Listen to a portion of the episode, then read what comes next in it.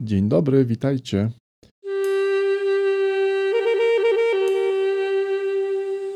Czuwaj, słuchacze i słuchawki. Witam Was serdecznie z Dalekiego Wschodu, z Wietnamu. Ja mam na imię Arek, a Wy słuchacie podcastu Bambusowe Opowieści. Zapraszam.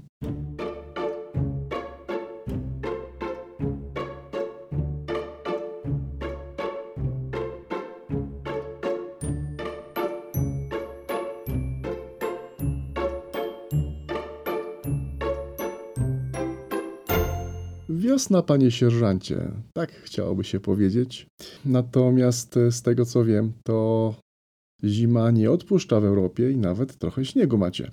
Zatem zapraszam na 17 odcinek podcastu Bambusowe Opowieści, a dzisiaj będzie troszkę o Saigonie.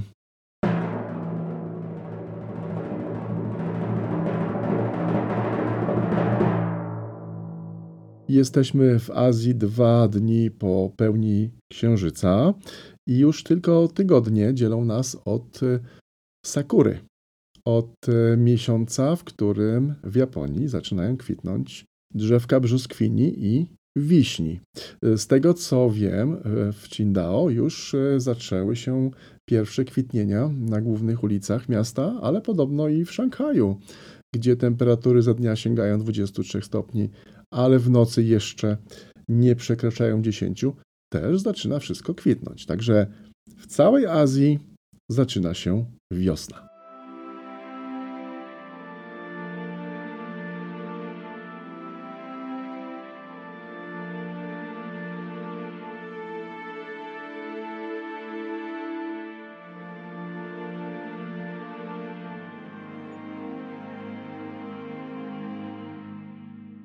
Jednocześnie granice w państwach azjatyckich zaczynają być szeroko otwarte dla turystów. Zatem wydaje mi się, że to jest dobry moment, żeby zaprosić Was do Saigonu i spędzić w nim przynajmniej jeden dzień.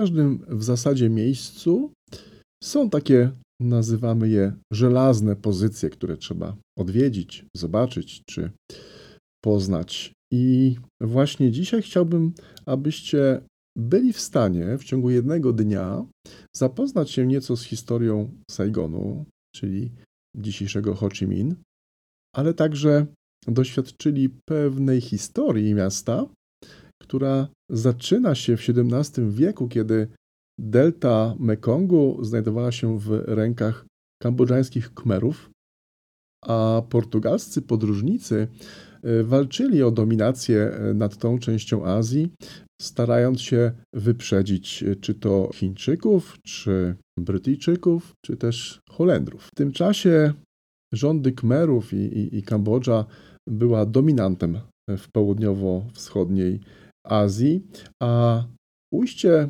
rzeki Saigon leżące w delcie Mekongu uznawane było za e, i nazywane było leśnym miastem. E, po kmersku to brzmi e, Prey Nokor. Jest to część obszaru, który Portugalczycy, Francuzi, Chińczycy czy Holendrzy nazywali Kucinchina, w odróżnieniu od e, chińskiej części mm, e, kolonii azjatyckiej czy brytyjskiej części mm, Azji, które nazywano e, Chiną albo Indochiną. Zresztą nazwa Preinokor odnosiła się nie tylko do samego miasta, ale także do okolicznych terenów, które tworzyły kambodżańską prowincję, zresztą o tej samej nazwie. To właśnie w 1679 roku pozwolono w tej małej rybackiej osadzie, nazywanej Leśnym Miastem, która była położona w bagnistym terenie delty Mekongu, osadzić się uchodźcom chińskim, którzy e, popierali e, upadłą w 1644 roku dynastię Ming. I to właśnie Chińczycy stopniowo zaczęli przejmować i władać południem Wietnamu. W tym czasie również Francuzi wykazywali dość ochoczo swoje zainteresowanie osiedleniem się w tej części Azji. Wioska, a później powstałe z niej miasto y, nabierała znaczenia. Była coraz bardziej rozpoznawalna w tej części Azji jako miejsce do dobrego interesu. Rozwijała się, wkrótce y, powstało małe miasto, a potem duże miasto. Lokalni mieszkańcy, używający w sumie języka chińskiego albo też mandaryńskiego, y, posługiwali się nazwą Saigon, której prawdopodobnie etymologia gdzieś właśnie zahacza o, o, język mandaryński, a to oznaczało, czy oznacza nadal, plantację bawełny. Tak więc z leśnego miasta Prejnokor, tak jak nazwali kambodżańscy Khmerowie ten teren, przeszliśmy do Saigonu, którego nazwa znaczy plantacja bawełny tą część Azji y, Francuzi dość późno, muszę powiedzieć, przyjechali, bo dopiero w 1650 roku e, jako misjonarze i y, księża krzewić kulturę chrześcijańską. E, spotkało się to również z czasem, kiedy właśnie w tej części Azji nasilały się powstania chłopskie, które trwały aż do 1800 roku, prawie 30 lat, bo zaczęły się w 1770 latach. E, to powstanie chłopów e, było przede wszystkim e, spowodowane wojną dynastii, jakie panowały w Wietnamie w tamtym czasie. Było ich dość sporo i to takie w sumie lokalne wojenki, które powodowały, że uprawy nie udawały się tak jak powinny, bo brakowało rąk do pracy, gdyż mężczyźni zostali wysłani na wojnę. Z drugiej strony, oczywiście, taka wojna kosztuje, więc należało też e, obłożyć mieszkańców ekstra podatkami po to, żeby znaleźć pieniądze na prowadzenie wojny. W tym czasie bardzo aktywną, e, czy aktywnym rodem był wietnamski ród Nguyen, E, który do dzisiaj e, bardzo mocno widoczny jest w konstrukcji nazwisk e, Wietnamczyków, jako że ponad połowa populacji wietnamskiej nosi w swoim nazwisku część, człon, który właśnie jest pochodzącym od wietnamskiego rodu Nguyen. Tak więc wojny chłopskie i przyjazd Francuzów e, zmienił nieco układ sił w rejonie na tyle skutecznie, że Nguyen musiał e, uciekać e, z Wietnamu i udał się do Tajlandii. I dopiero w 1847 roku, dzięki pomocy Francuzów, wrócił do Wietnamu. Opanował ponownie tą część południowego Wietnamu, zasiedloną przez osadników wietnamskich i wkrótce utworzył prowincję, a miasto zaczęło się e, szybko rozwijać.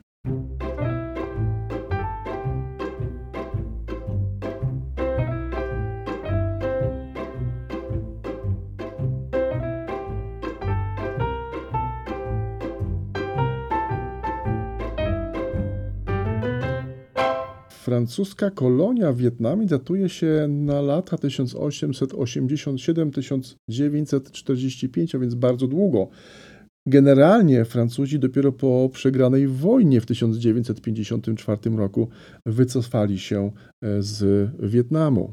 To jest ten moment, kiedy e, Saigon e, w końcówce I wojny indochińskiej przechodzi metamorfozę, staje się stolicą Republiki Wietnamu Południowego, która powstała na mocy postanowień konferencji genewskiej właśnie w 1954 roku. Później niestety nie mamy zbyt dobrego okresu dla Wietnamu, bo tuż po zakończeniu I wojny indochińskiej zaczęła się druga wojna, tym razem o dominację polityczną. I tak od 1965 roku, w czasie II wojny indochińskiej, mamy, jak wiemy już wszyscy, dominację armii amerykańskiej, która stacjonowała w Wietnamie i próbowała uchronić Wietnam Południowy przed najazdem e, i zdobyciem tych terenów e, przez Wietnam Północny, czyli komunistów i tak dalej, tak dalej. To już mam nadzieję wszyscy e, pamiętacie, przynajmniej e, z kilku filmów. Trzeba oddać Francuzom, że stworzyli w pewnym sensie perłę Orientu, i tak nazywano zresztą Saigon, budując przepiękne budynki, stawiając na przemysł, unowocześniając miasto, zamieniając w końcu miasto z twierdzy wojennej na dobrze rozwinięty ośrodek przemysłowy i tak dalej, i tak dalej. Zatem jest, trzeba powiedzieć sobie, duży wkład Francuzów w rozwój tej części Wietnamu. Zresztą obecny język wietnamski został również w pewien sposób stworzony przez Francuzów jako transkrypcja z języka mandaryńskiego. Stworzyli system znaków, system tonowy i dzisiaj e, to, co spotkacie w Wietnamie jako język narodowy, e, pisany i mówiony, jest też pokłosiem e, francuskiej kolonizacji. To oni stworzyli ten język. I to też na okres końcówki panowania Francuzów w Azji Południowo-Wschodniej przypada powstanie pałacu, dzisiaj nazywanego Zjednoczenia, ale wtedy był to pałac gubernatora, czyli siedziba głównego zarządcy tych terenów. I to właśnie od tego miejsca zaczniemy naszą opowieść o współczesnym Saigonie, o tym, jak łączy się ta współczesność e, z historią miasta, a także kilka ciekawostek, które na pewno przydadzą Wam się podczas spaceru. Zatem jednodniowy pobyt w Saigonie? Tak, oczywiście jest możliwe, żeby e, ogarnąć, że tak powiem kolokwialnie, e, kilka żelaznych pozycji w mieście i o tym za chwilę.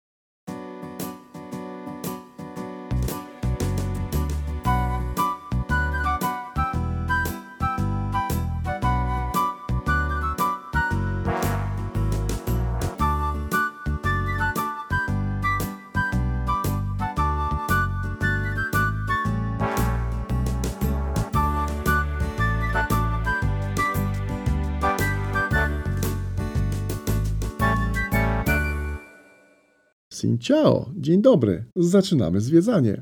Witam wszystkich przed y, bramą do Pałacu Zjednoczenia. E, pałac leży w dystrykcie pierwszym e, przy ulicy e, Nam Quoi Nia. Jest czynny między 8 a 17, więc jak planujecie pobyt, dobrze byłoby rozgraniczyć atrakcje turystyczne na czas przed lunchem i po lunchu, jako że godzina 12, a w sumie w Saigonie 11.45 jest godziną krytyczną, gdyż wszystko zostaje zamknięte i Wietnamczycy udają się po prostu na lunch. Zatem do, spokojnie do godziny 11.30 możecie planować przedpołudniowe e, zwiedzanie, a popołudniowe najlepiej rozpocząć e, po godzinie 13.30. Jeśli idzie o sposób czy też formę transportu, ja polecam wynajęcie rikszy. To jest e, kilkaset tysięcy dongów, ale kierowca przewiezie Was e, od atrakcji do atrakcji e, i będzie to dość e, sympatyczna przejażdżka ulicami miasta, gdzie będzie można poczuć ruch samochodowo-motocyklowy, gdzie będzie można po prostu w spokoju podziwiać w wolnym tempie, mijając różne mieszkania, domy, atrakcje miasta. Także jest to według mnie jedna z najlepszych form na zwiedzanie. Ale jak lubicie chodzić, to oczywiście e, moja trasa będzie dostępna w zasadzie e, też dla piechurów. Natomiast e, jeden odcinek, ten, który będzie omawiany na końcu, trzeba będzie pokonać taksówką.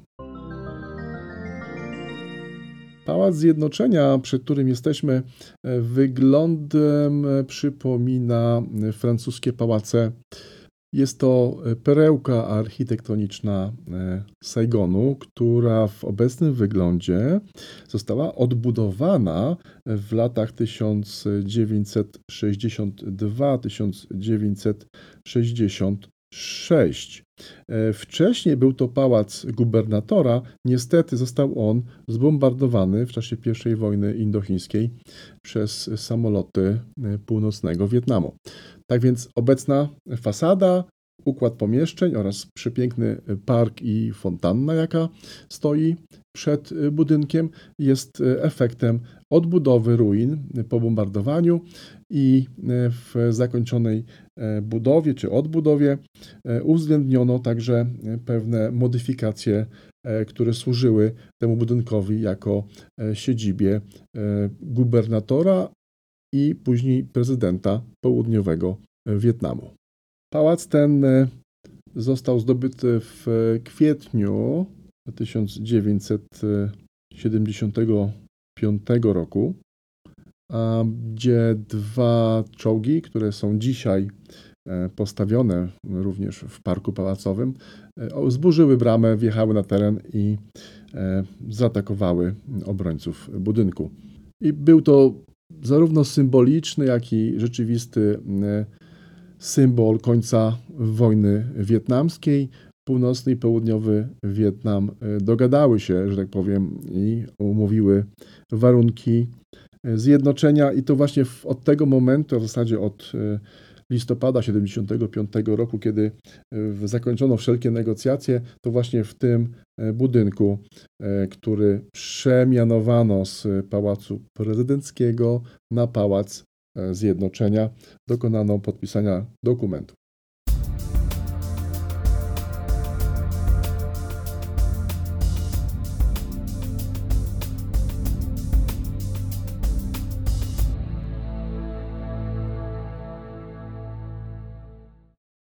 Samo zwiedzanie warto rozpocząć od ogrodu, zobaczyć właśnie czołgi, przypięknie położone mm, klomby, drzewa. Jest to wszystko bardzo ładnie zaprojektowane i zaaranżowane, a jednocześnie utrzymywane w nienagannej e, strukturze, która cieszy oczy. W samym budynku można zobaczyć salon prezydencki oraz e, jego e, pokój dowódczy, czyli taki pokój na czas wojny w podziemiach pałacu.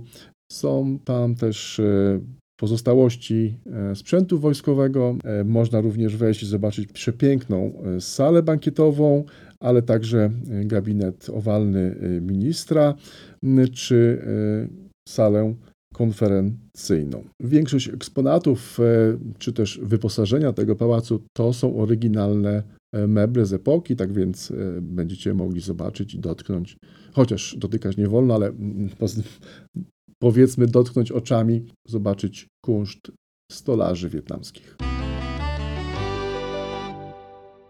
Aby poznać lepiej historię miasta i, i, odnieść się nie tylko do czasów wojen, ale także jeszcze do czasów kmerskich, warto przejść właśnie z Pałacu Zjednoczenia do Muzeum Historii Ho Chi Minh. E, to muzeum jest w linii prostej, około 1000 metrów od Pałacu Zjednoczenia. Jest posadowione e, w terenie czy na terenie ogrodu zoologicznego. Jest wydzielone oczywiście, ale, ale jest w jednym kompleksie. Jest to dosłownie kilkunastominutowy spacer przy piękną, szeroką aleją i dojście do ulicy Nguyen Bin Kiem, e, gdzie to muzeum lekko po lewej stronie się znajduje. Samo muzeum e, podzielone jest na kilka sal, na dwa piętra.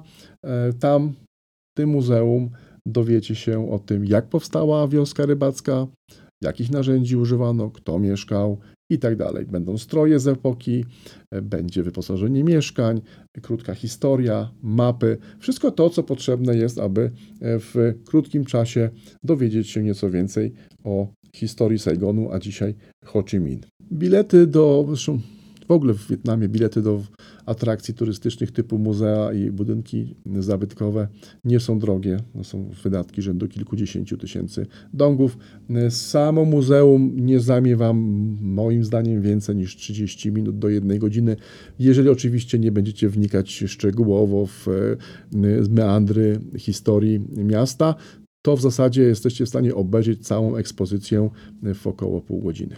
Uzbrojeni w wiedzę o mieście, możemy udać się na plac paryski, gdzie czekają Was trzy atrakcje. Do placu paryskiego dostaniecie się albo na piechotę, albo rikszą. Nie zajmie Wam to więcej niż kilkanaście minut. E, trzeba się nieco e, wrócić w kierunku Pałacu Zjednoczenia i tuż przed skręcić w lewą stronę i tym sposobem spokojnie dojdziecie do Placu Paryskiego. A tam czekają na Was kolejne ciekawe miejsca. Zaczniemy od y, katedry Notre Dame.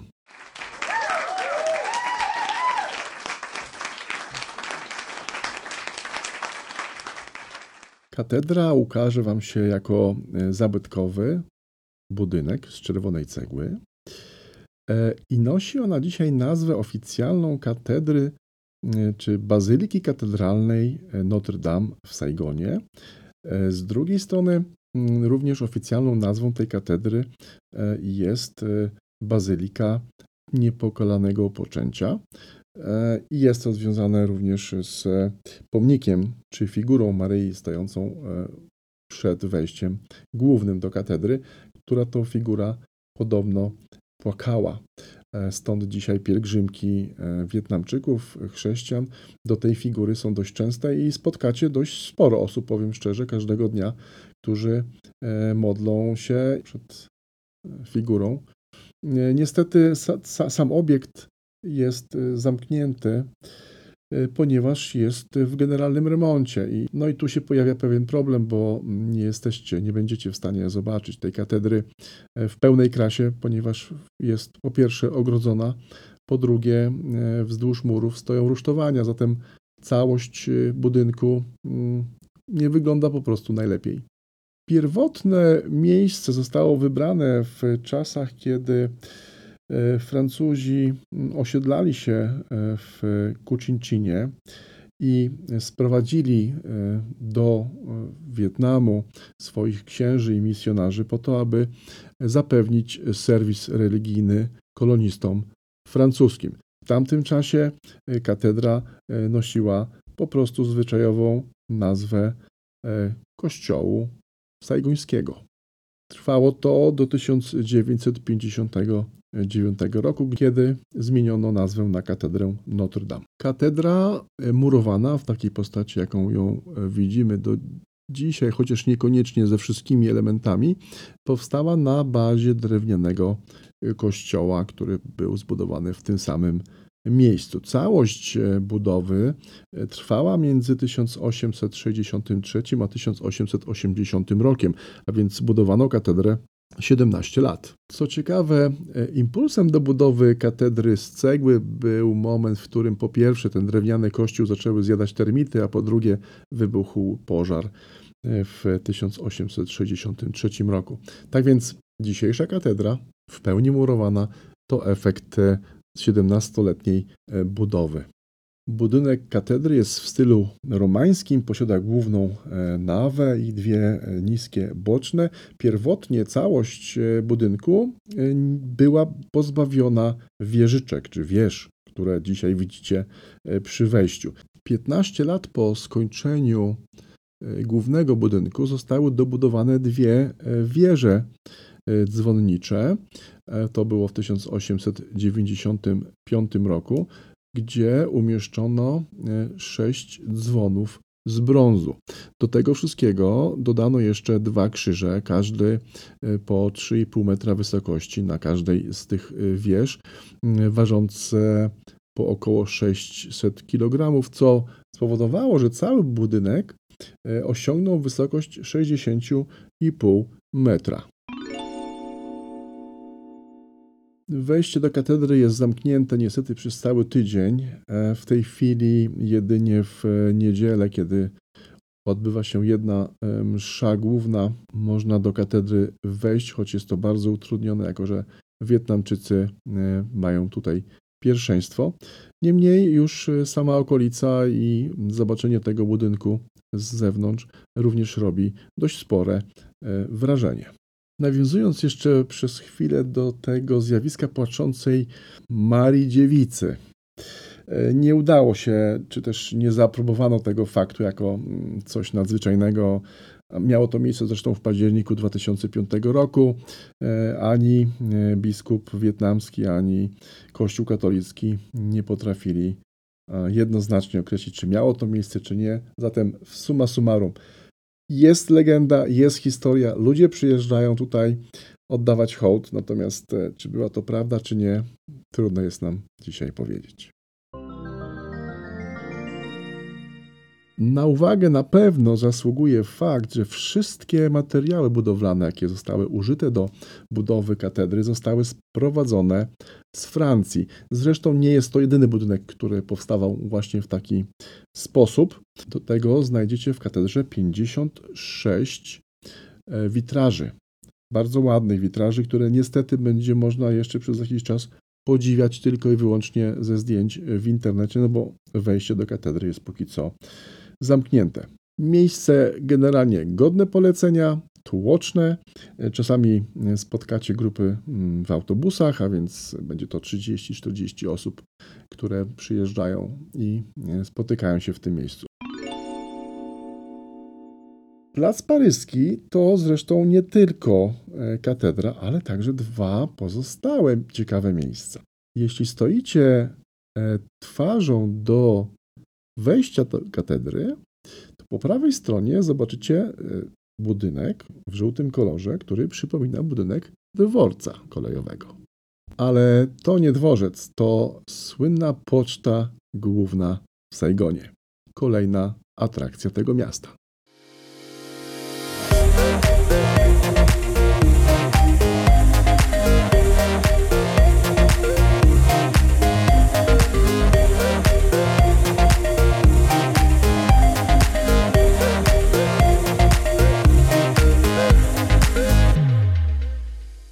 To równie piękny, e, w sumie neobarokowy czy też neoklasycystyczny budynek, przypominający świetność III Republiki Francuskiej. E, pobudowany w bardzo podobnym czasie co katedra Notre Dame, po prostu 9 e, lat później rozpoczęto budowę poczty, bo 1886 rok to jest data startu budowy. Skończono zaś budować pocztę główną o 11 lat po skończeniu budowy katedry w 1891 roku. Budynek rzeczywiście przypomina nieco dworzec kolejowy z zewnątrz. Ma przepiękne e, łukowe wejście w budynku głównym i dwa boczne skrzydła, które mają taką ciekawostkę polegającą na tym, iż okna w tej części budynku są prostokątne, ale też i zwieńczone łukowo. Jaka jest różnica między nimi? Te, które mają prostokątną formę, reprezentują główne stacje kolejowe Francji. A więc zobaczcie, budynek rzeczywiście kojarzy nam się kolejowo, choć jest pocztą główną, ale odniesienia do kolei hmm, są. A więc prostokątne okna opisane są stacjami kolejowymi, głównymi stacjami kolejowymi we Francji. Natomiast okna łukowe to są standardowe okna do pomieszczeń e, pracujących tam e, ludzi. Po obu stronach wejścia pod oknami znajdują się również tabliczki.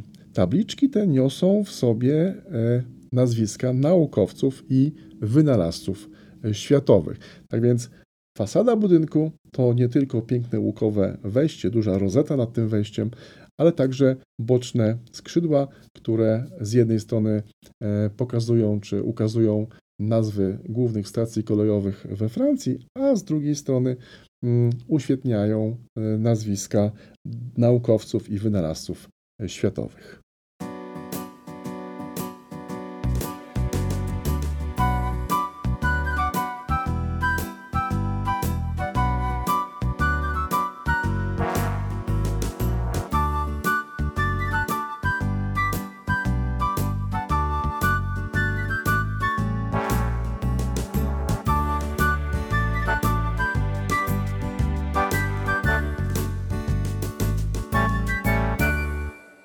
Na placu przed y, pocztą zazwyczaj spotkacie studentów albo uczniów e, szkół średnich, którzy przychodzą tutaj po to, żeby na chwilę chociaż porozmawiać z obcokrajowcami w języku angielskim, pochwalić się swoimi wynikami w nauce, czy też, tak jak na przykład studenci, e, sprzedać drobne pamiątki, a dzięki temu zebrać pieniądze na dalsze studiowanie. Więc miejsce to jest gwarne, pełne młodości. Odbywają się tam również czasami pokazy, na przykład deskorolkowców, albo pokazy strongmenów. E, tak czy inaczej zachęcam do odwiedzin.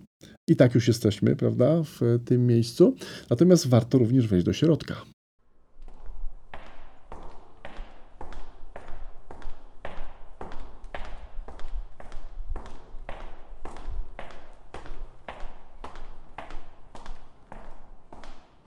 Środek e, poczty to, uwaga, zaskoczenie, typowa poczta, nieco ładniejsza niż zwykle. Poczta, która posiada łukowate zwieńczenia oparte o metalowe słupy, pełniąca dzisiaj funkcję poczty oczywiście i możecie stąd nadać pocztówkę, czy paczkę, czy faks. Te wszystkie usługi typowe dla poczty mm, w tym budynku są świadczone. Oczywiście druga część, czy druga prawda o tym budynku jest taka, że jest to standardowe, komercyjne miejsce, więc w obu skrzydłach budynku znajdziecie dziesiątki straganów, sklepików oferujących wszystko. To są i pamiątki typowe dla Wietnamu, czyli wycinanki papierowe, malowanki, e, produkty z laki, ale to będą też magnesy, to będą znaczki pocztowe, to będą wyroby e, rękodzieła, jedwab, e, tkaniny. No, generalnie wszystko, co można kupić w Wietnamie, to w tym miejscu jest jeszcze zgromadzone i e, tu macie serce handlowe tego placu. To, co zobaczycie po wejściu, wydaje mi się najbardziej ciekawe, szczególnie w tej części pocztowej. Mianowicie, po pierwsze, na końcu holu pocztowego jest potężny portret Ho Chi Minha. Po drugie, po lewej i po prawej stronie, tuż y, przy wejściu, zobaczycie mapy. Mapę Kucinchiny i mapę Saigonu. Mapy te są e, namalowane na ścianach, a pod nimi są stare budki telefoniczne. Oczywiście dzisiaj e, z tych budek się już nie korzysta, ale obejście, zobaczenie, e, jak te budki kiedyś wyglądały, no robi wrażenie. Chwila zadumy nad tym, jak kiedyś poczta działała, warta jest pozostania w tym miejscu na kilka minut. A do tego piękna posadzka wyłożona ceramiką lokalną, e, wzorzystą, mm, e, więc całość robi bardzo estetyczne wrażenie, a jednocześnie czuć, że są to elementy e, konstrukcyjne czy elementy dekoracyjne, które pochodzą z końcówki XIX wieku. Całość jak zwykle gwarna, pełna ludzi, także zapraszam do odwiedzin w budynku Poczty Głównej w Saigonie.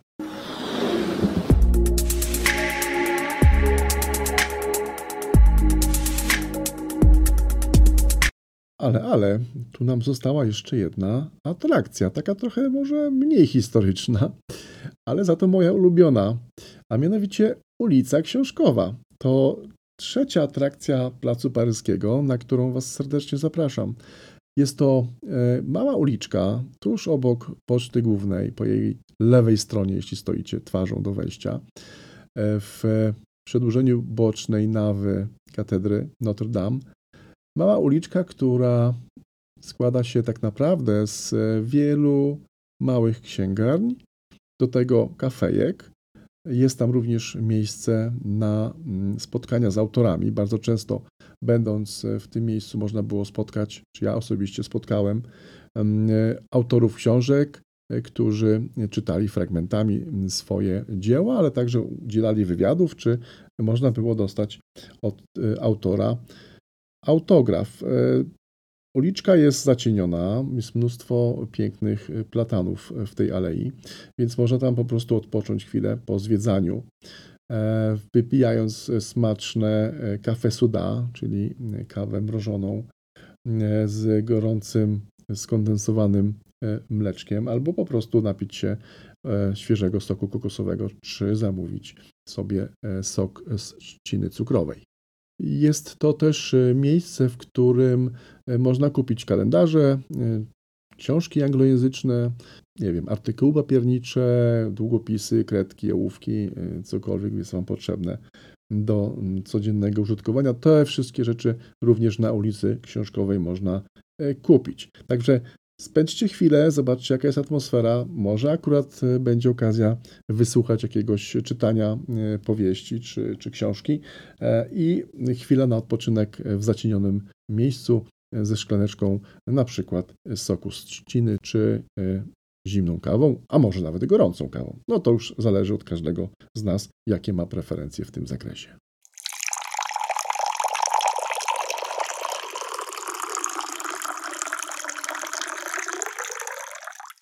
Wypoczęci? Ochłodzeni smacznym sokiem? Super. To idźmy dalej. Mamy kawałek do głównego deptaku miasta, który jest bardzo charakterystycznym e, punktem z kilku powodów, ale główny powód jest tutaj taki, że plac, deptak, ulica Nguyen jest e, najbardziej odwiedzanym, najczęściej odwiedzanym miejscem Saigonu, a w szczególności podczas święta Nowego Roku Księżycowego, czyli festiwalu TED.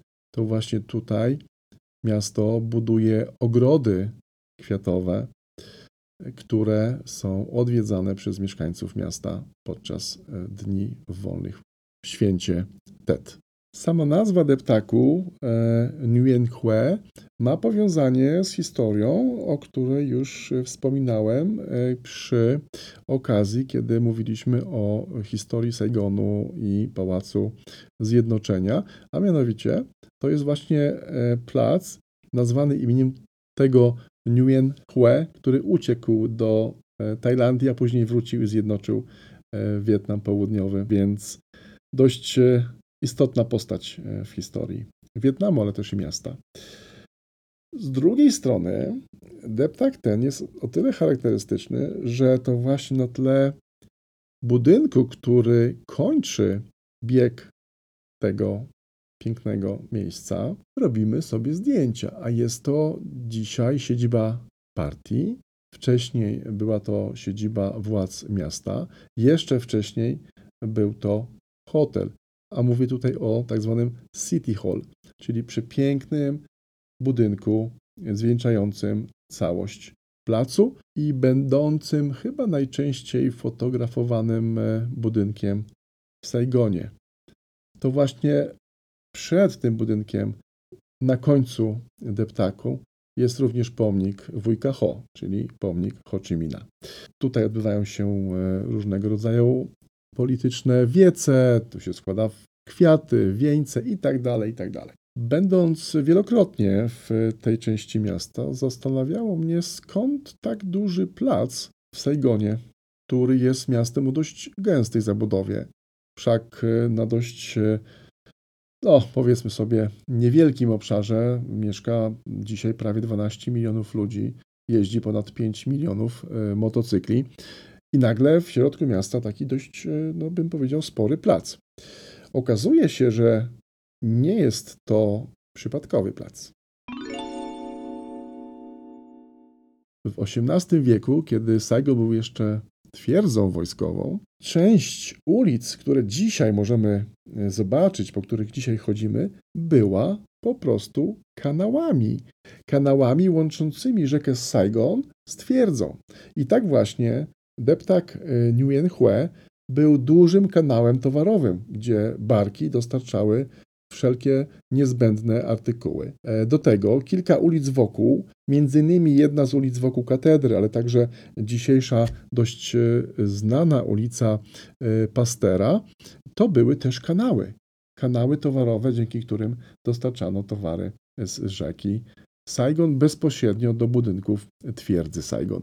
Tak więc taka ciekawostka, a proszę bardzo, Dzisiaj mamy place, ulice, a kiedyś były to po prostu kanały. Stąd tak wielki plac, szeroki plac, tak pięknie położony i rzeczywiście jest e, widać wyraźnie, że jest połączony w pewnym sensie oczywiście dzisiaj z rzeką e, Saigon, która jest po przeciwnej stronie e, budynku partii. Samo zasypanie kanałów znowu powiązane jest w pewnym sensie z datami budowy katedry i budowy poczty głównej, bo wszystkie te kanały do, dopływające w tamtym czasie do e, centrum miasta zasypano w latach 1887 i następnych.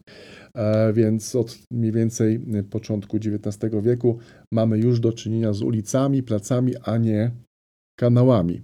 Zresztą e, Ponowny remont tego, tej, tej części miasta został wykonany w 2015 roku, gdzie dobudowano przepiękną fontannę, a wszystko to jest spowodowane budową metra w Saigonie. Co prawda metro jeszcze nie działa. To już jest chyba piąty rok, kiedy władze obiecują, że już w grudniu tego roku e, metro będzie otwarte. No niestety od mojego przyjazdu do Wietnamu e, co roku słyszę tę samą zapowiedź. Na razie metro nie działa, chociaż część stacji, szczególnie tych podziemnych, jest już gotowa. Natomiast jeszcze budują się odcinki linii, które biegną poza miasto, szczególnie ta w kierunku dystryktu 9 i dalej na północ, bo to jest główna linia łącząca ośrodek i dzielnice przemysłowe Saigonu na północy w dystrykcie 9 z centrum miasta. Także chyba jeszcze trochę musimy na to metro poczekać. Jakie zatem historie nas tutaj sprowadzają, kochani? Po pierwsze, y, budynek, ja nazywam to ratuszem miejskim, siedziby partii, to kiedyś był y, hotel. Hotel, który y, został zbudowany, sfinansowany przez Chińczyków. Co ciekawe, po lewej stronie mm, tego budynku, jeśli stoicie do niego frontem, mamy dość e, potężny budynek, który dzisiaj mm, jest siedzibą hotelu Rex. Natomiast hotel Rex to jest najdroższy hotel e, w Saigonie. Tak po prostu kiedyś był siedzibą, uwaga, Citroena. To był po prostu salon sprzedaży Citroena plus parkingi miejskie. Także w latach 20., 30., 40. XX wieku była to po prostu siedziba Citroena, salon sprzedaży i garaże. Dopiero w 1959 roku przebudowano to na hotel i tak już zostało. Zresztą hotel ten był również używany podczas wojny wietnamskiej jako siedziba e, dowództwa armii e, i też e, dziennikarze, korespondenci wojenni, oni wszyscy praktycznie korzystali z hotelu Rex, chociaż jest jeszcze drugi bardzo ważny hotel w okolicy, w okolicy tego placu, ale bliżej budynku opery, to jest hotel Continental, który został zbudowany w 1880 e, roku, a w tym hotelu między innymi w czasie wojny e, siedziby miały redakcje Newsweeka czy Timesa. Wokół e, placu znajdziecie kilka wysokich budynków hotelowo-biurowych, ale także jeden ciekawy budynek, który przypomina trochę polskie blokowisko. Jest to budynek kafejek mieszkaniowych, tak to nazywam. Jest to budynek, który mieści w sobie kilkanaście kawiarni, a każda kawiarnia jest to po prostu pokój z balkonem. Tak więc wieczorem e, każdy balkon ma inny kolor, ma inną dekorację i w każdym z takich balkonów, czy na każdym z takich balkonów siedzą młodzi ludzie pijąc e, kawę. A to taka ciekawostka. Do tego wszystkiego oczywiście w częściach przyziemnych, czyli w parterowej części tych budynków e, znajdziecie kawiarnie, restauracje, E, są też e, punkty wymiany walut, e, banki, bankomaty, jest też w tym miejscu centralna księgarnia. Tak więc wszystko to wokół placu znajdziecie. Gdy jeszcze chwilę zostaniemy przy hotelu Rex, to po prawej stronie, naprzeciwko tego hotelu, macie drugi budynek, który z daleka wygląda jak pozostałość francuskiej świetności. Ale niestety nie jest już to budynek historyczny. Jest to po prostu kopia budynków w stylu III Republiki Francuskiej. I jest to jedna ze spraw, które budzą duże kontrowersje tutaj w Saigonie. Mianowicie coraz częściej właśnie stare budynki, pamiętające jeszcze czasy kolonialne, są wyburzane, a działki po ich wyburzeniu są sprzedawane deweloperom, którzy z kolei budują potężne biurowce. Tak więc e, spieszcie się, bo Saigon tak szybko traci te budynki, że nie wiem, czy za 15 lat w ogóle będziemy mogli część z tych budynków, które jeszcze dzisiaj stoją, po prostu podziwiać. Więc e, no, trzeba to wziąć pod uwagę. I tak gwoli ścisłości, ten budynek, o którym mówię, to jest oczywiście centrum handlowe, niestety.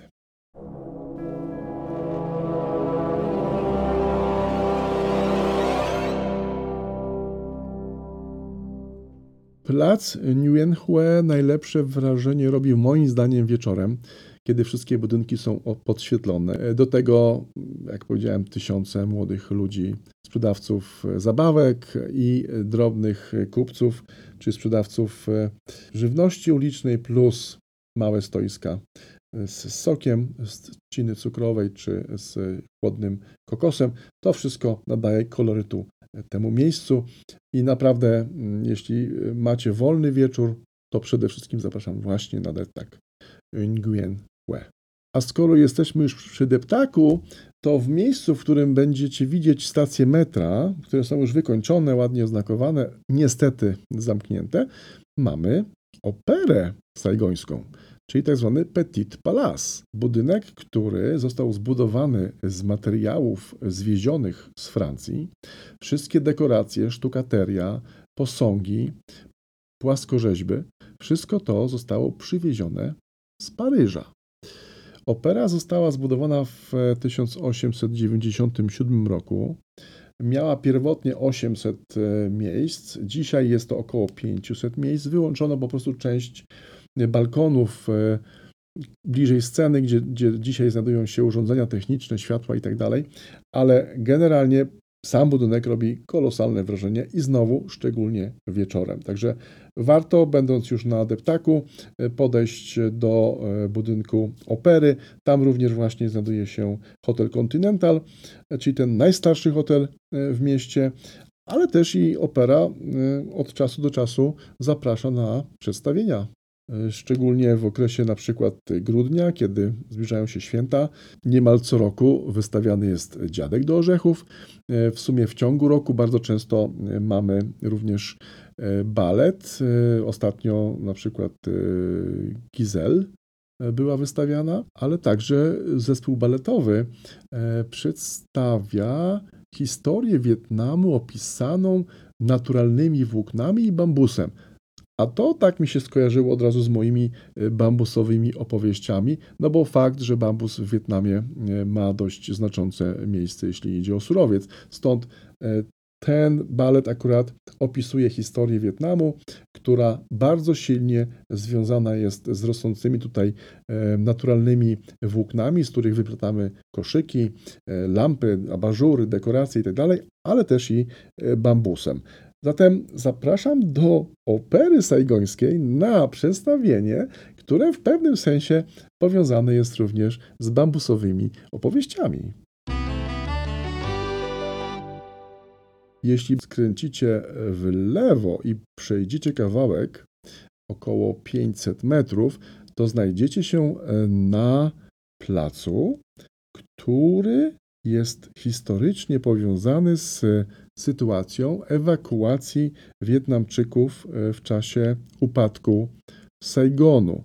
To jest e, to miejsce, czy ta kamienica, z dachu której helikoptery podnosiły e, uciekających z miasta Wietnamczyków. A więc uwaga, to nie budynek ambasady amerykańskiej, a właśnie jedna z kamienic przy Rue Catinel. Taką nazwę nosi plac. Przy tym placu w miejscu dawnej potężnej willi chińskiego kupca. Niestety stoi dzisiaj dwuwieżowy Wincom Plaza, czyli potężny budynek biurowo-biznesowy. No niestety, tak jak już wspominałem, Saigon powoli traci zabytki e, kultury francuskiej, a buduje wysokościowce. Czy to jest mądre, czy nie, nie oceniam, ale z mojej perspektywy nie podoba mi się takie postępowanie.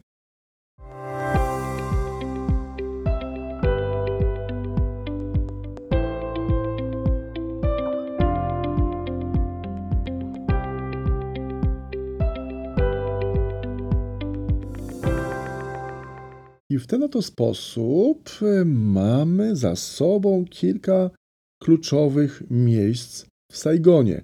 Zatem byliśmy w Pałacu Zjednoczenia, później w Muzeum Miasta Ho Chi Minh, później na Placu Paryskim byliśmy w katedrze Notre Dame, widzieliście pocztę główną i odpoczęliśmy na ulicy Książkowej. Stamtąd przeszliśmy do deptaku Nguyen Hue, a teraz po wysiłku fizycznym czas na ucztę duchową. Jedziemy kawałeczek dalej do świątyni jaspisowego cesarza.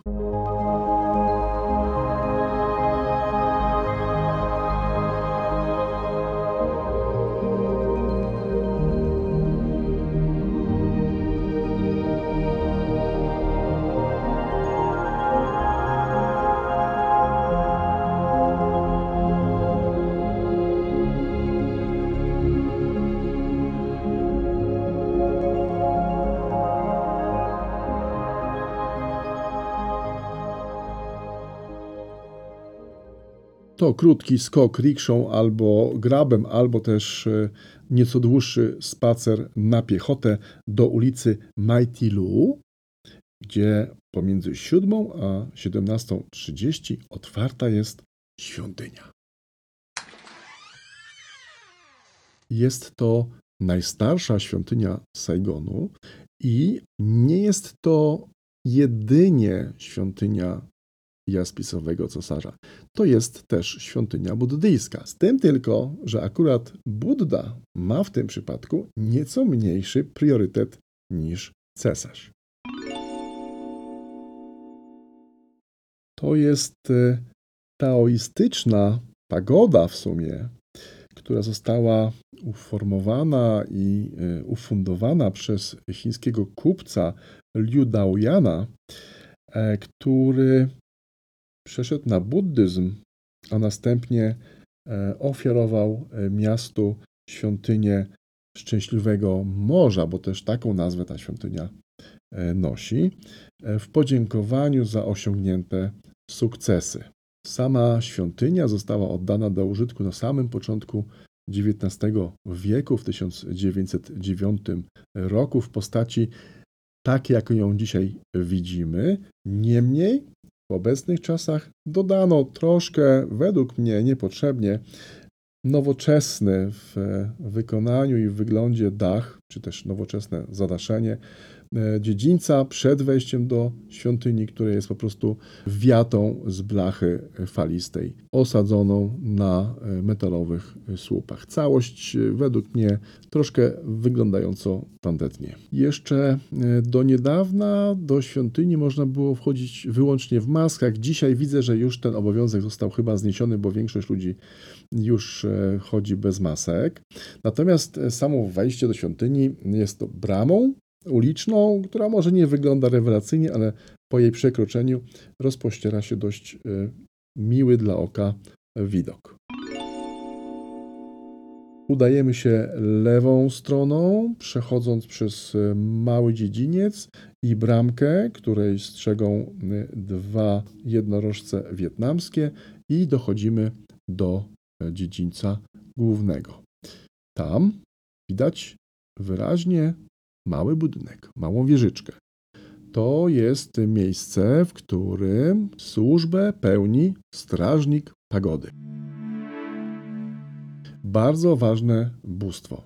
Zwrócony jest on twarzą do wejścia do świątyni, e, właśnie w tym celu, aby obserwować, kto wchodzi, z czym wchodzi i czy nie wykonuje, czy nie, nie robi czegoś wbrew zasadom, jakie w tej świątyni obowiązują. Także mijamy strażnika pagody. Warto jemu się ukłonić. Jest tam też miejsce na zapalenie e, świeczek. Jeśli komuś to nie przeszkadza, to jest bardzo miły e, rytuał wietnamski, gdzie zapalamy świece na powitanie strażnika pagody.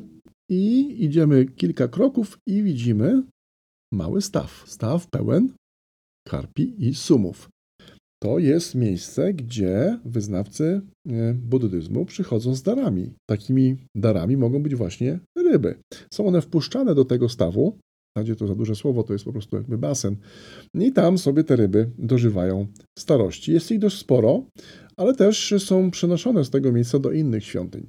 Tuż obok stoi wyniesiony z wnętrza świątyni e, piec rytualny, czy też e, wieża kominowa, e, która służy do zapalania dziękczynnych kadzidełek. Jest ona wyniesiona ze świątyni, jako że mm, swego czasu obawiano się, iż świątynia może spłonąć. Jest ona wewnątrz wykonana z drewna. E, oczywiście to wszystko jest bardzo stare, dlatego wyniesiono ten rytualny kominek z wnętrza świątyni na zewnątrz, ale też i dla nas jest to o tyle fajne, że możemy również zapalić kadzidełko. Tu uwaga, jeżeli palimy kadzidełko, to najważniejszą zasadą jest, aby nie zdmuchiwać płomienia. Kadzidełko musi samoczynnie jakby zgasnąć, a wtedy zacznie się tlić i wówczas wkładamy kadzidełko do tej rytualnej e, wieży, kominka. Zarówno świeczki, jak i kadzidełka są tutaj darmowe, więc w zasadzie nie ma żadnego problemu, żeby dokonać takiego rytualnego zapalenia. Cieszy się to powodzeniem wśród turystów, ale też lokalni mieszkańcy, widząc zagranicznych turystów palących kadzidełka, też się cieszą. Odzajemniają uśmiechem, widząc, że ktoś szanuje ich zwyczaje. Przechodząc dalej e, w prawą stronę, znajdziemy drugi basen, nieco większy od tego pierwszego, a jest to staw z żółwiami. Jak pewnie pamiętacie z jednego z moich artykułów na blogu o żółwiu w jeziorze Hoakiem w Hanoi, Żółw jest zwierzęciem świętym w Wietnamie. I również tutaj w darach przynosi się małe żółwiki i wpuszcza się do tego stawu jako rytuał dziękczynny dla przodków i dla bogów. Warto postać chwilę, zobaczyć może akurat e, jednego z małych e, żółwi, albo może któregoś z tych większych zobaczycie. I tak oto dotarliśmy do wejścia do świątyni. Do świątyń w Wietnamie, ale także, uwaga, do małych e, sklepów wchodzi się bez obuwia. Więc jesteśmy zobowiązani zdjąć nasze buty, zostawić je na półeczkach przygotowanych przed wejściem do świątyni, a półeczki strzeżone są e, przez jednorożce wietnamskie, znacznie większe niż te, które strzegły samej furtki e, do wejścia świątynnego. Zatem, kiedy będziecie wybierać na wycieczkę po świątyniach e, w Azji generalnie, a w Wietnamie w szczególności, Warto włożyć wygodne obuwie, najlepiej sandały, bo te będzie łatwo zdjąć i zadość uczynić zwyczajom bosej stopy wchodzącej do świątyni. Samo wejście do świątyń buddyjskich ma jedną charakterystyczną cechę, mianowicie posiada wysoki próg. E, związane jest to z wierzeniami, że e, złe duchy chcące przekroczyć próg świątyni o te progi e, się potykają i giną ale także wchodzący wierni do takiej świątyni muszą ten próg przekroczyć, wówczas pochylają się w taki naturalny sposób i mówi się, że nawet jeśli nie chcą, to oddają hołd e, Bogom i swoim przodkom. No, ciekawa teoria. Przekroczmy zatem próg świątyni i uwaga, mamy po lewej i po prawej stronie dwie postaci. To są duchy miejsca strażnicy, którzy pilnują, aby do świątyni mogły wejść tylko uprawnione osoby. W związku z tym, aby wejść do świątyni, musimy po pierwsze poprosić strażnika miejsca, ducha miejsca o pozwolenie. W związku z tym, temu po prawej stronie kłaniamy się przy wejściu, prosimy go o zgodę na wejście. Zazwyczaj zgoda taka jest udzielana, można to poczuć lub nie, nie wiem. W każdym razie jest udzielana i wchodzimy do środka.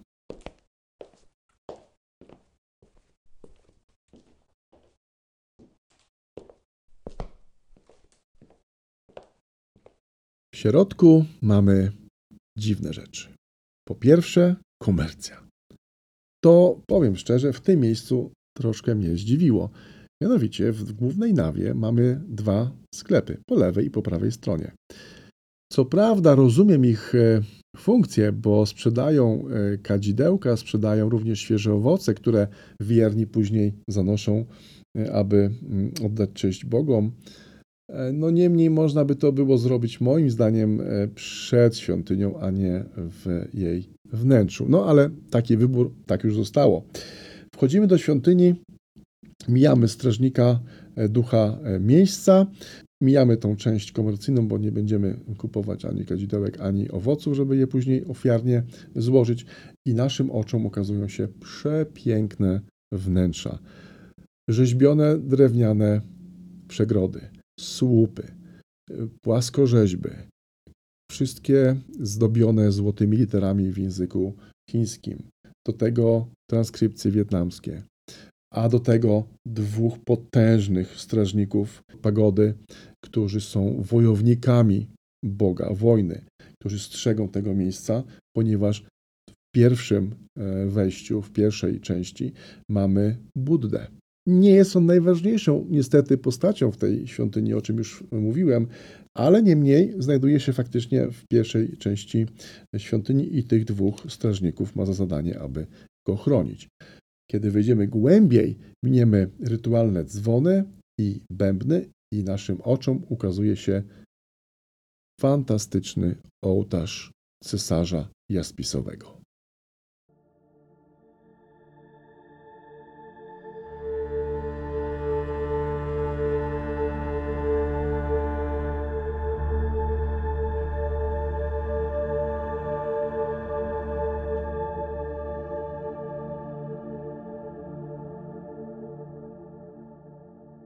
Cesarz, schowany nieco w głębi, jest główną postacią tego miejsca. Po jego bokach stoją bóstwa do zarządzania królestwem. Cztery bóstwa po prawej i cztery bóstwa po lewej. Do tego figury żołnierzy i mandarynów. Do tego ołtarz, na którym leje się oliwa, a widać młodzi ludzie przynoszą, dolewają tej oliwy na ołtarzu tuż przed e, jaspisowym cesarzem i bóstwami talerze ze świeżymi owocami i dary, które przynoszą wierni. I w tym momencie rzuca mi się w oczy jedna rzecz, mianowicie mnóstwo młodych ludzi. Najczęściej są to pary. Po co tu przyszli? Czemu są tak skupieni w tym miejscu i przynoszą dary w postaci owoców, dolewają oliwy do lampek oliwnych, które palą się e, tuż przed e, posągiem jaspisowego cesarza i dalej przenoszą się w lewą nawę. I tak po kolei wszyscy. Widać, jest to jakieś e, standardowe zachowanie albo rytuał. Zgłębimy to za chwilę. Faktem jest, że pomieszczenie zachwyca. Tylu rzeźb, płaskorzeźb, wykonanych w drewnie dekoracji, drzwi, zwieńczeń, e, słupów nie widziałem, a to jest bardzo mała w sumie świątynia. Do tego atmosfera ludzie skupieni, głównie młode pary. I znowu pytanie, co oni tu robią? Idźmy za nimi zatem. W lewej nawie, podążając za wiernymi widzę, wchodzimy do Królestwa Boga Pieniędzy. To jest władca podziemi, który ma za zadanie zapewnić dobrobyt. Widzę, że młodzi ludzie wrzucają drobne datki do urny, później przechodzą głębiej do takiego, nazwijmy to, ołtarza, gdzie po obu stronach stoją konie, oczywiście drewniane. Głaszczą konie, a następnie dzwonią dzwoneczkami. Raz po lewej stronie, raz po drugiej stronie. Po czym idą w głąb nawy, a tam na ścianach płaskorzeźby oddające e, rytuały urzędników cesarza. Ciekawe. Kłaniają się. W każdym razie widać ewidentnie, że są zaoferowani tym miejscem i traktują bardzo poważnie to, co robią. Czy to jest cel ich wizyty? Ciekawe, bo nie skończyli tutaj jeszcze. Widzę, że idą dalej. Ja podążam za nimi i wchodzimy w bardzo małe pomieszczenie. Ja bym to nazwał takim bardzo małym, maksymalnie 10-metrowym pokoikiem. Widzę jakąś postać w środku tego pokoju, pod ścianą drewnianą, nazywającą się Kim Hoa. Po lewej stronie stos talerzy i jakieś naklejki na ścianie. Tu twarze młodych ludzi się rozpromieniają, przyniesione owoce kładą do talerzy, talerze kładą na ołtarzu i modlą się. Tak, to jest modlitwa, ale modlą się czytając coś ze ściany. Hmm, ciekawe. Pytam, pytam e, pana, który stoi obok mnie i co słyszę. Okazuje się, że to jest kaplica Kimhua, która jest boginią płodności no, może bardziej cesarzową płodności. Okazuje się, że młodzi ludzie, ale nie tylko młodzi, przychodzą tutaj właśnie dla niej, prosząc o dobrego partnera, prosząc o dzieci. A jeśli te dzieci urodzą, albo jeśli wyjdą za mąż, czy ożenią się, to przychodzą podziękować za dobrego właśnie partnera, którego otrzymali od Kim Hua w prezencie, nazwijmy to. A więc świątynia E, jaspisowego cesarza to nie jest tylko świątynia cesarza. Okazuje się, że to jest również miejsce bardzo istotne dla Wietnamczyków, ponieważ przychodzą tutaj modlić się, przychodzą wypraszać dla siebie łaskę przodków, aby spotkać odpowiedniego partnera na całe życie oraz żeby mieć szczęśliwe i zdrowe potomstwo. Co ciekawe, posąg Kim Hua jest otoczony po obu stronach sześcioma małymi figurami. Są to figury położnych, sześć po lewej i sześć po prawej. Położne trzymają małe dzieci. Aha, czyli to jest to miejsce, to jest, to jest cel wizyty tych młodych ludzi. No bardzo, bardzo ciekawe. Widzę wyraźnie, młodzi ludzie skupieni, rzeczywiście z szacunkiem, składający dary, czytający modlitwę. A ciekawe to jest, bo akurat y, trzy modlitwy przyklejone do ściany, także bardzo łatwo sobie je e, wyartykułować. Pierwsza jest y, prośba o partnera, druga modlitwa to prośba o potomstwo, a trzecia to jest właśnie podziękowanie za otrzymane od bogów szczęście w postaci partnera i dziecka. No, ciekawe. Ok, idziemy w takim razie do wyjścia.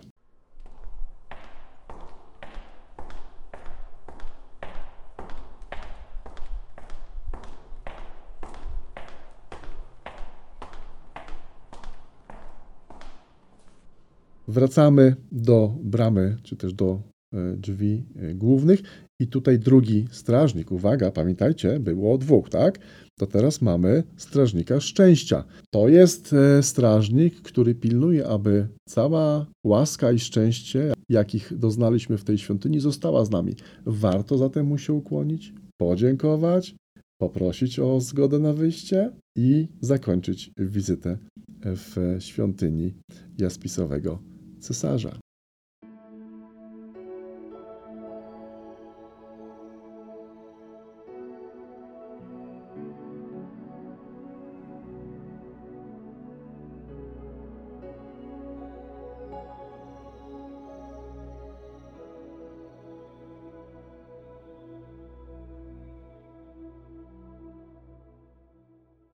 Wychodząc ze świątyni, uważamy, aby przekroczyć próg, Kłaniamy się zatem nisko, wkładamy buty i wychodzimy na ulicę. I tu kończymy nasz jednodniowy y, plan zwiedzania Saigonu. Lekko zapewne zmęczeni, ale pełni wrażeń, wiedzy mm, o historii miasta i w końcu również y, zapewne mm, z odrobiną szczęścia, jakie y, na nas spłynęło w świątyni jaspisowego cesarza, możemy udać się na e, kolację.